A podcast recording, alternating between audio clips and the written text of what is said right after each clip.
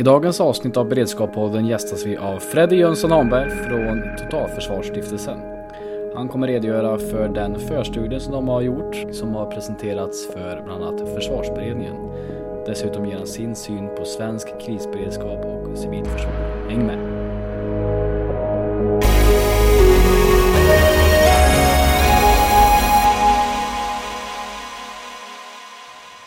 Intressant. Då så, hej och välkomna till ännu ett avsnitt av Beredskapspodden. Jag sitter här med Freddy från Totalförsvarsstiftelsen. Välkommen! Tack så mycket, tackar. Vem är du? Eh, Freddy Jönsson Hanberg, en av initiativtagarna till eh, Totalförsvarsstiftelsen eller Insamlingsstiftelsen för totalförsvarsstudier som den heter egentligen. Eh, och även till eh, Totalförsvarsstudien som vi lämnade in då en förstudie för då till regeringen den 10 juni förra året. Vilka är då Totalförsvarsstiftelsen? Vad gör ni?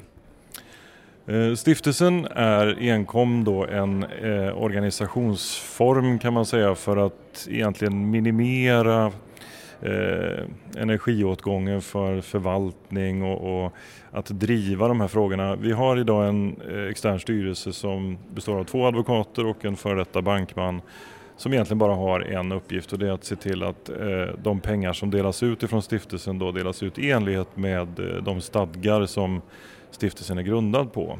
Eh, så all övrig verksamhet ska bara handla om att bedriva studier och att eh, etablera eller stödja, facilitera eh, mötesfora för att sprida kunskap och ta in kunskap.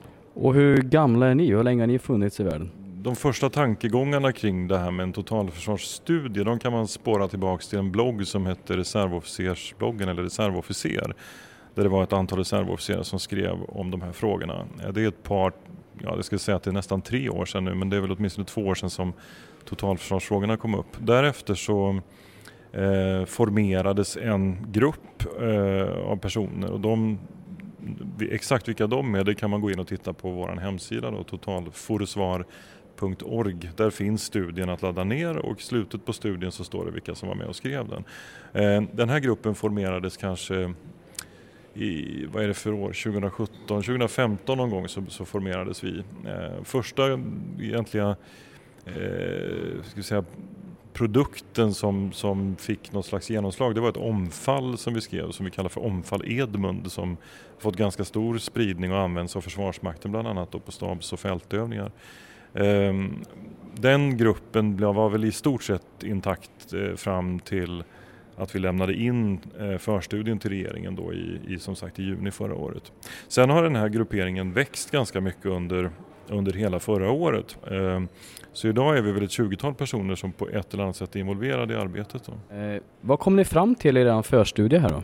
Ja, alltså det vi kom fram till var väl i stort sett det som Peter Hultqvist eh, säger i, om det var förra eller förrförra numret av Försvarsutbildaren som, eh, för, vad heter det, försvars eh, vad heter de, Frivilliga Försvarsförbundet ger ut. Va? Det är en tidning i alla fall där de intervjuar, det är Per Lunke som intervjuar eh, försvarsministern där. Han säger, att, han säger väl i stort sett att det finns ingenting, allt är borta.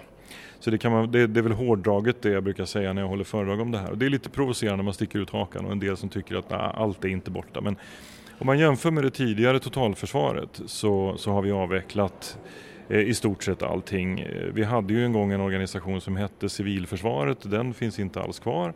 Eh, vi hade en ledningsorganisation med civilbefälhavare högst upp då, ett antal civilförsvarsområden. Ehm, och vi hade till och med krigsviktiga företag, alltså i stort sett kan man säga att man krigsplacerade företag.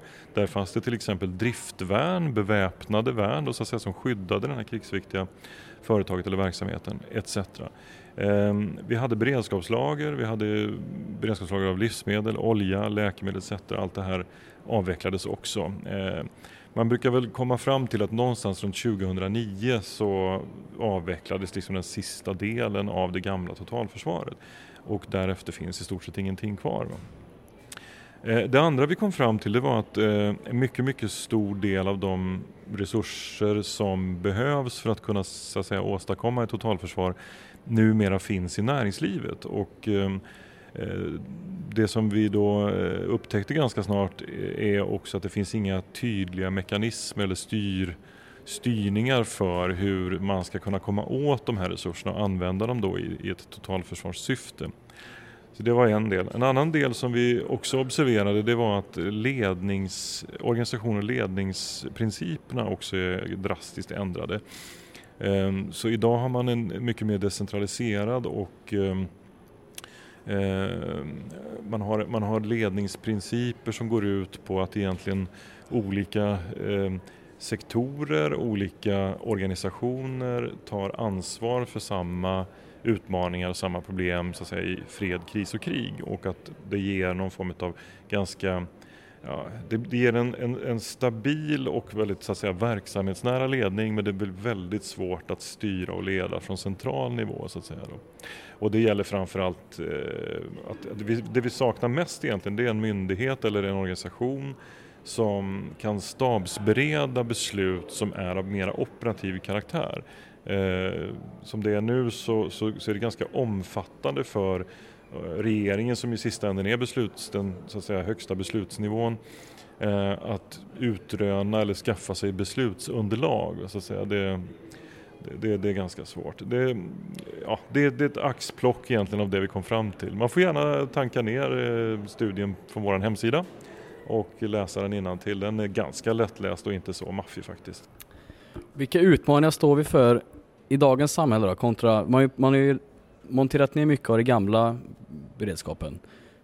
Kan man, man kan inte bara köpa tillbaka allting och liksom eh, tömma alla bergrum utan bara vilka, vilka eh, Hur ser vägen framåt ut? Exakt. Ja.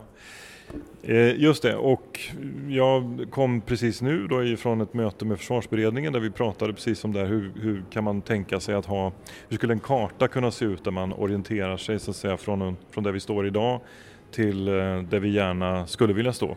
Eh, hur, gör man det så fort som möjligt och så billigt som möjligt, för det är det det handlar om fortfarande. Eh, vi har, det har diskuterats under årens lopp, eller decenniernas lopp egentligen, så att säga, vad ska vara dimensionerande och gränssättande? Ska det vara ehm, eh, ska säga, de fredsmässiga kostnadseffektiva lösningarna eller ska det vara den krigsrationella lösningen som så att säga, innebär att man har en hög beredskap och en hög robusthet? Ehm, och under väldigt lång tid så har ju den här fredsmässiga kostnadseffektiva lösningen fått, fått vara rådande. Eh, nu efterfrågas det då igen eh, krigsrationella lösningar. Vi måste kunna hantera en väpnad konflikt eh, och vi måste också då kunna ehm, det civila försvaret har man nu sagt från regeringens sida ska i första hand ehm, stödja det militära försvaret. Och Eh, det här ger ju ett antal grundförutsättningar och ett antal ingångsvärden då för att kunna eh, göra, eh, utveckla ett, ett nytt totalförsvar.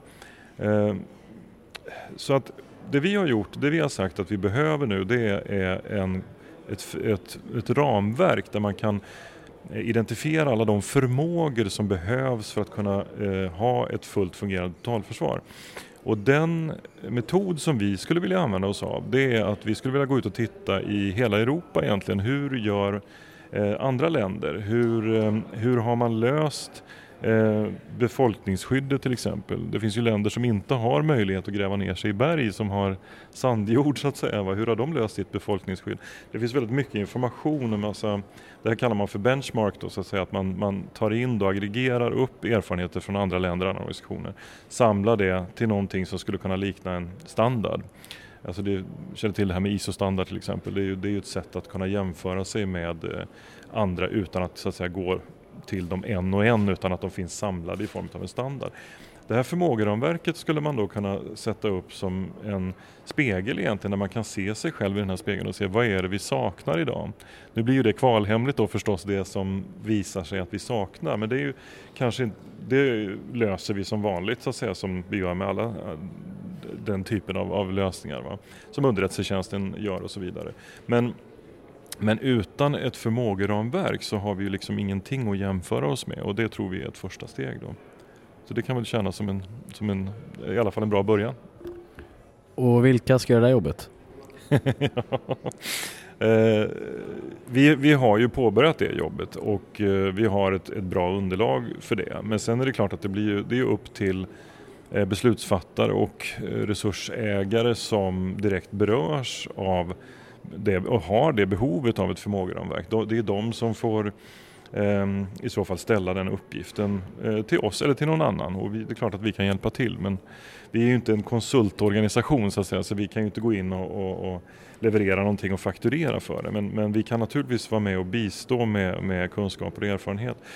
Sen hoppas vi då att, att ehm, det blir en kombination egentligen, att, man, att vi hittar eh, snälla och vänliga donatorer som donerar pengar till stiftelsen så att vi kan bedriva den här studien samtidigt som eh, myndigheter och kanske även eh, på den politiska nivån så att, säga, att man hittar resurser till att göra det här och så att det går rimligt fort också för det är liksom, vi har inte på oss till, till 2024 när Putin går i pension utan vi måste göra det här ganska, ganska raskt. Så kan man väl säga. Mm, kan du ge några exempel på vad vi inte har kvar och som vi verkligen hade behövt just nu? Eh, Ja, alltså jag var inne på det här med, med, befolkningsskyddet. Det är ju en, en väldigt tydlig del och den, varför jag tar upp den också det är ju för att vi eh, utan ett fungerande befolkningsskydd så kommer vi också få problem med eh, eh vi brukar prata om ett strategiskt center of gravity så att säga och det är då tilliten, i vårt fall är det tilliten till staten, att staten levererar det som vi genom skatten betalar för. Eh, och där har vi, tror jag, en utmaning i att förklara hur hur vi ska kunna lösa befolkningsskyddet nu mm, givet så att säga, den resurssituation vi har. Så det, det, det är väl en väldigt tydlig brist.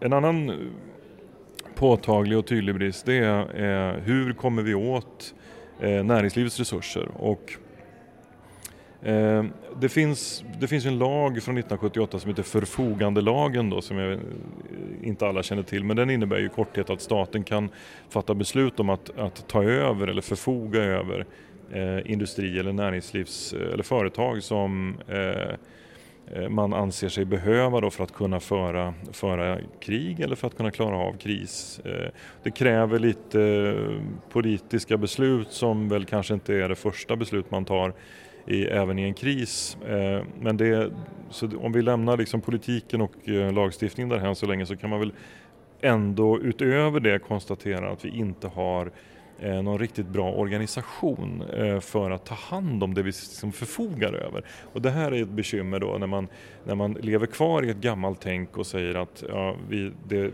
det är inga problem för staten att förfoga över näringslivsresurser med stöd av lagen. Men då måste man också tänka på eh, vem är det då som ska ta över de här resurserna. Vi har egentligen inte den typen av organisation på plats. För, alltså när civilförsvaret fanns så bestod av 200 000 krigsplacerade individer så att säga. Vi hade eh, ganska stora resurser i statlig ägo eller under statlig kontroll. Då gick det att göra det men idag finns inte den typen av organisation. Ehm, dessutom är det så här, om vi tar ett annat konkret exempel. Eh, vi behöver transportkapacitet, både i det militära försvaret för att kunna lösa de uppgifterna men också eh, civilt försvar och då ska jag säga eh, de behov som kan tänkas uppstå i, i en, vid en nationell kris eller ett krig i hela samhället, då behöver man ha transportresurser. skulle man då tänka sig att man förfogar över lastbilar Eh, visst, det skulle man kunna göra med större av men du måste fortfarande ha någon som kör lastbilen, som hanterar den och så vidare.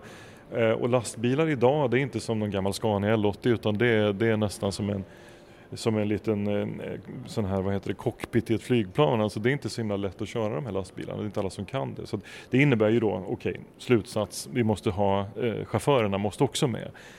Men då har vi att göra med individer och då blir det någonting annat. Då kan jag eh, ta nästa exempel på en brist som jag har upptäckt och det är att, att om du tänker dig då att du är i ett, i ett krisläge, nationellt krisläge eller ett större krisläge Um, och det uppstår ett antal uh, händelser uh, som vi uppfattar som subversion eller sabotage eller, eller uh, social oro eller vad det nu kan vara. Som, allt det här är en, liksom en del av ett tidigt skede då i ett angrepp som kanske inte övergår i ett militärt eller väpnat angrepp men som är ett angrepp på vårt land. Eh, då har, vi någon, då har vi formuleringar i olika lagar, exempelvis arbetsmiljölagen som säger att skyddsombud är skyldiga att stänga en arbetsplats om det finns risk eller fara för liv och hälsa. Eh, och då är det alltså inte frågan om att de kan göra något slags övervägande som skyddsombud och säga att ah, vi, vi, får se lite vad som händer här, Ni, vi kan hålla den här arbetsplatsen öppen. Nej, utan de, de, om, de inte, om de underlåter så att, säga, att stänga arbetsplatsen, då kommer de att bli lagförda för det, så att säga. de är skyldiga att göra det.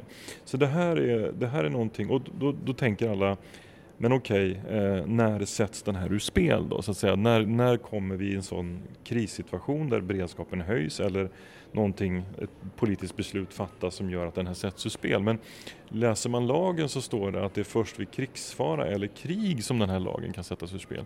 Och när är det då krigsfara? Om vi håller oss till den här gråzonen och den här låga nivån så att säga på konflikt så kan man kanske inte kalla det för krigsfara. Så, så ja, det här är ett antal sådana exempel då, som på brister. Då. Skulle det finnas ett behov av att krisplacera folk? Till skillnad från krigsplacering, krisplacera folk? Ja, alltså de verktygen finns ju redan. Det finns ju redan pliktlagar och det finns totalförsvarsplikt och du kan krigsplacera utifrån eh, även från civila behov. Eh, så att ja, de lösningarna, eh, så som vad jag känner till i alla fall, så, det, så finns de på plats. Och, och, jag tror att man skulle behöva nyttja det. Vad jag förstår på Eh, jag tror det var Kristina då som är generaldirektör för eh, Rekryteringsmyndigheten. Hon pratade om det här på folk, i, i Sälen, Folk och försvarskonferens, rikskonferensen i Sälen, att, att man nu har påbörjat då krigsplacering, bland annat eh, polisen, det har ju framgått av media, och, eh, men även länsstyrelserna och eh, på sikt också landsting och kommuner. Så att, och där är det ju fråga om krigsplacering utifrån så att säga då en, en krigsorganisation. Så att visst kan man göra det och det gör man redan. Mm. Vem är då ansvarig för att Sverige har en bra krisberedskap? Ja, alltså det, det ansvaret måste ju vara fördelat på, på egentligen alla som, som är betjänta av att vi har det. Så jag, jag, tycker generellt eh, att eh, myndigheterna och politikerna har ett ansvar när det gäller att trycka på eh, vikten av krisberedskap. Alltså det, egentligen så finns det eh, Eh, regelverk och, och eh, lagar och regler och även kunskap och utbildning så att säga, om krisberedskap som är anpassade för eh, individer och medborgare och hushåll, för olika myndigheter, olika organisationer, även för näringslivet. Så att säga. Det, det här finns väl tillgängligt men det som kanske saknas idag det är det som, nu vet jag att just idag så är det en uppstartskonferens för krisberedskapsveckan som är i maj. Som jag tror är någonstans där vid runt 7 till 12 eller 7 till 14 maj och sånt där. Det får, det får vi lägga ut på hemsidan sen. Men, men den, eh, där, där, är det ju typexempel på där myndigheter då och med, med gott stöd tycker jag utav politik, eller politikerna eh, trycker just på vikten av eh, krisberedskapsmedvetenhet och, och alltså eh, att hushållen då har en viss, viss eh, de här, den här 72 timmar den här kampanjen då som där man ska klara sig eh, med mat och vatten och värme och så vidare då, lite, har kunnat lyssna på radio och så under krisens första 72 timmar. Så det är ett bra exempel på där man från, från politiskt håll och från myndighetshåll trycker på vikten av det. Det tycker jag liksom är, är, det är nummer ett. Hur eh, ser samverkan och eh, samarbetsförmågan ut mellan olika organisationer? Mm, eh, och det där är någonting som vi avser att, att titta på behovet av en studie kring för att vi ser att eh, olika organisationer har olika sätt att se på eh, krisberedskap, civilt försvar, totalförsvar eh, och, och så att säga, nationell kris och krig. Eh, och, och, det visar sig ganska konkret också genom att man använder begrepp och uttryck som dels då inte är eh, unisont eller gemensamt definierade. Man har inte samma definition av begreppen. Eh, jag kan ta ett konkret exempel och det är det här begreppet stabsläge som finns då på sjukhusen men också på, i polisen, framförallt på Säpo, så använder man begreppet stabsläge. Och de här två, eh, ut, alltså ett och samma uttryck betyder olika saker i de här två olika organisationerna. Eh, begreppet flyglarm till exempel, det används då eh, av SOS Alarm och det förekommer även i en del skrifter från MSB, men Försvarsmakten använder inte uttrycket flyglarm längre. Eh, det gjorde man förr men det används inte längre. Och så där håller det på så att säga. Vi har, det finns också eh, en annan, ett annat problem med att de här krisberedskapsprinciperna att de inte är stadfästa i, så att säga, de, finns inte, de uttrycken finns inte i någon lagtext, så att säga. det är ingenting man har, det är ingen man har inte stiftat en lag som säger att vi ska använda oss av ansvarsprincipen, närhetsprincipen och likhetsprincipen. Det, det, det finns inte. Ehm, en liknande sån här eh, begreppsproblematik det är de här begreppen administrativ beredskap ehm, och förvaltningsberedskap. Det är också sådana här begrepp som då refereras till bland annat i militärstrategisk doktrin men eh, de står inte att finna så att säga, beskrivna i något annat styrande dokument som gäller så att säga, över hela statsförvaltningen. Eh, så att, vad man skulle behöva göra och vi tittar nu på möjligheten att hitta ett sätt att jobba med alltså unifieringen, att man får en och samma eh, definition av ett begrepp som sedan används genom hela totalförsvaret. Eh, och en idé som vi har som jag tycker är rätt rolig det är att vi ska använda Wikipedia och då därigenom få en crowdsourcing så att alla kan vara med och bidra. För det är trots allt så att det är de som använder begreppen ute i kommuner, på länsstyrelser, ute på förband och så vidare. Det är de som ska förstå. Så om de kan diskutera det här gemensamt och för den som inte varit inne på Wikipedia så finns det en diskussionsflik som man kan klicka på. Där kan man föra en diskussion om eh, det begreppet som man då avser att försöka definiera. Eh, så det är ganska intressant, det, är bra, det finns liksom redan där. Det andra är att man får en så kallad peer review, alltså att det finns, när man väl har skrivit någonting och publicerat det så kan andra gå in och läsa det och lämna sina synpunkter på det då. Och det gör man ju också på den här diskussionssidan. Så därigenom så skulle man kunna faktiskt få en, en väldigt robust eh, begreppskatalog som också är väl tillgänglig för, för alla och finns i respektive mobiltelefon och dator så att säga. Då. Det är ju det är, det är smidigt. Självklart får man inte skriva någonting som är hemligt där då. Men det vet ju alla som jobbar med totalförsvar. Men då anledning av det du har redogjort för här, eh, vad bör man som medborgare ta med sig? Vad... Du är orolig för? Ja. Eh, nej, alltså jag, jag, tycker inte man ska vara orolig över någonting. Det, det, det, är inte så att vi att Sverige idag står inför ett, ett väpnat angrepp. Eh, däremot kan man väl vara lite uppmärksam på, eh, vad, bli lite bättre på två saker egentligen. Det ena är att man kan utbilda sig själv i ska vi säga, robusthet att man lär sig att fungera även utan el, även utan internet. Eh, ha batterier till en radio, en FM-radio som inte då är beroende av internet. Eh, ha någon värmekälla, ha, alltså de här sakerna som 72 timmar-kampanjen handlar om. Och det andra är att, att, hålla sig informerad och då menar jag inte att man ska sitta och skvallra på Facebook och liksom förstärka en massa eh, falska nyheter om hur allting är på väg åt skogen.